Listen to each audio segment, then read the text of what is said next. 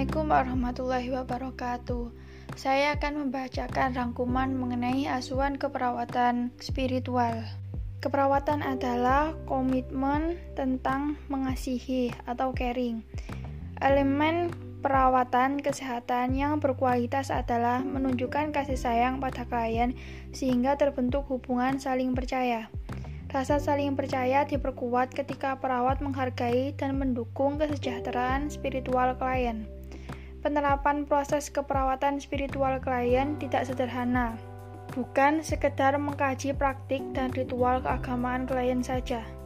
Memahami spiritualitas klien kemudian secara tepat mengidentifikasi tingkat dukungan dan sumber yang diperlukan, membutuhkan perspektif baru yang lebih luas.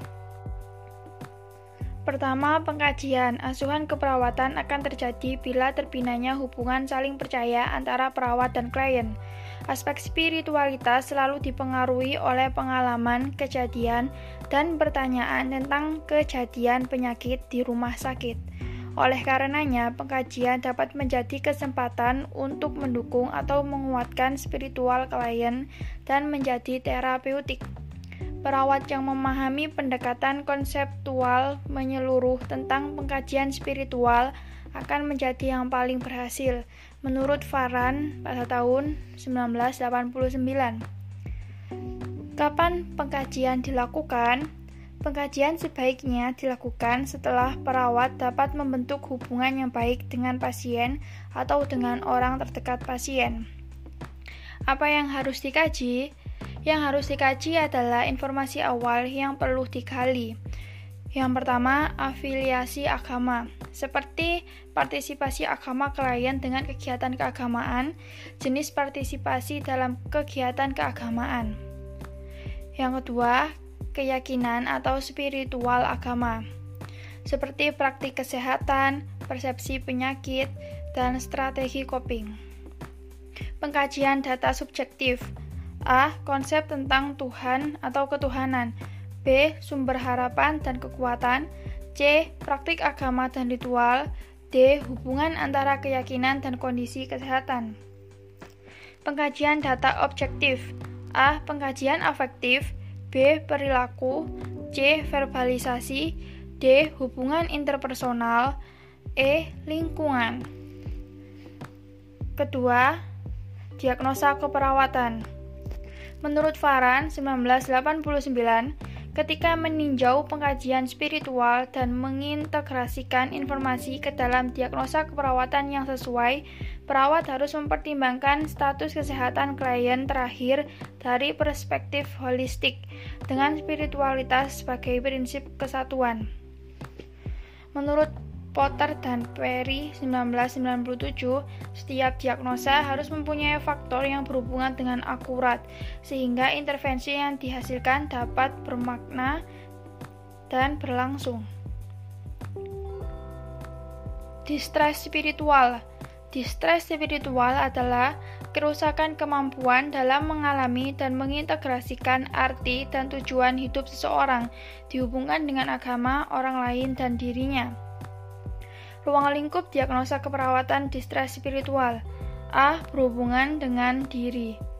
Meliputi mengekspresikan kurang dalam harapan, arti, tujuan hidup, kedamaian, penerimaan, cinta, memaafkan diri, keberanian, marah, rasa bersalah, coping yang buruk. B. Berhubungan dengan orang lain, meliputi menolak berinteraksi dengan teman, keluarga, dan pemimpin agama, mengungkapkan terpisah dari sistem dukungan, mengekspresikan keterasihan, mengekspresikan keterasingan. C. Berhubungan dengan seni, musik, literatur, dan alam, meliputi tidak mampu mengekspresikan kondisi kreatif. Tidak ada ketertarikan kepada alam, tidak ada ketertarikan kepada bacaan agama.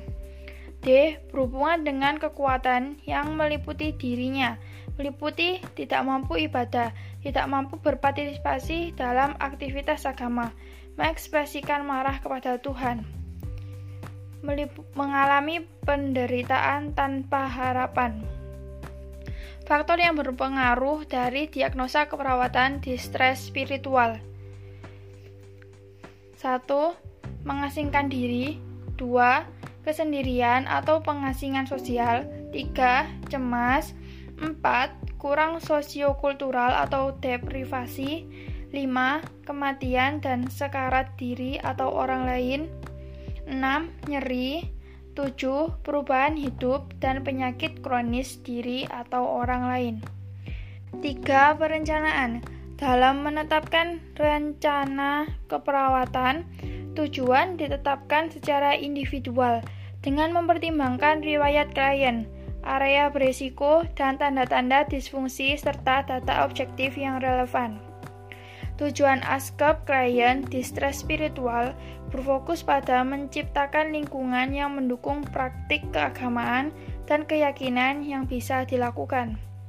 Tujuan pemberian perawatan spiritual menurut Manley pada tahun 1983 yang pertama, klien merasakan perasaan percaya pada pemberi perawatan. Dua, klien mampu terikat dengan anggota sistem pendukung. 3. Pencarian pribadi klien tentang makna hidup meningkat. Tujuan dan kriteria hasil. Tujuan ASKEP, klien akan mengidentifikasi keyakinan spiritual yang memenuhi kebutuhan. Menggunakan kekuatan, keyakinan, harapan, dan rasa nyaman ketika menghadapi penyakit. Mengembangkan praktik spiritual yang memupuk komunikasi dengan diri sendiri Tuhan dan dunia luar, mengekspresikan kepuasan dalam kehormatan antara keyakinan spiritual dengan kehidupan sehari-hari. Kriteria hasil yang diharapkan, klien akan A. Menggali akar keyakinan dan praktik spiritual B. Mengidentifikasi faktor dalam kehidupan yang menantang keyakinan spiritual C. Menggali alternatif D. Mengidentifikasi dukungan spiritual E. Mendemonstrasikan berkurangnya distres spiritual setelah keberhasilan intervensi 4. Implementasi Periksa keyakinan spiritual agama Fokuskan perhatian pada persepsi klien terhadap kebutuhan spiritualnya. Jangan mengasumsi klien tidak mempunyai kebutuhan spiritual mengetahui pesan nonverbal tentang kebutuhan spiritual pasien, berespon secara singkat, spesifik, dan faktual, mendengarkan secara aktif, dan menunjukkan empati yang berarti menghayati masalah klien, menerapkan teknik komunikasi terapeutik dengan teknik mendukung, menerima, bertanya, memberi informasi, refleksi, menggali perasaan dan kekuatan yang dimiliki klien meningkatkan kesadaran dengan kepekaan dan ucapan atau pesan verbal klien. Memahami masalah klien tanpa menghukum walaupun tidak berarti menyetujui klien. Mengetahui arti dari situasi klien, bagaimana klien merespon terhadap penyakit. Apakah klien menganggap penyakit yang dideritanya merupakan hukuman, cobaan, atau anugerah dari Tuhan? membantu memfasilitasi klien agar dapat memenuhi kewajiban agamanya, memberitahu pelayanan spiritual yang tersedia di rumah sakit. Menurut Amenta dan Bohnet pada tahun 1986, ada empat alat atau cara untuk membantu perawat dalam menerapkan perawatan spiritual, yaitu satu, menyimak dengan perilaku wajar, dua, selalu ada, 3. Menyetujui apa yang dikatakan klien 4. Menggunakan pembukaan diri.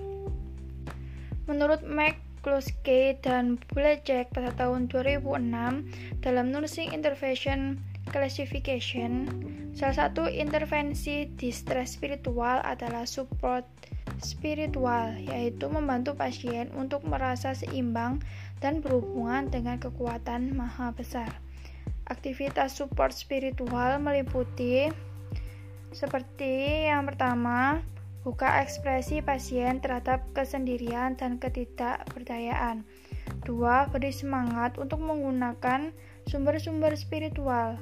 3. Siapkan artikel tentang spiritual sesuai pilihan pasien. 4.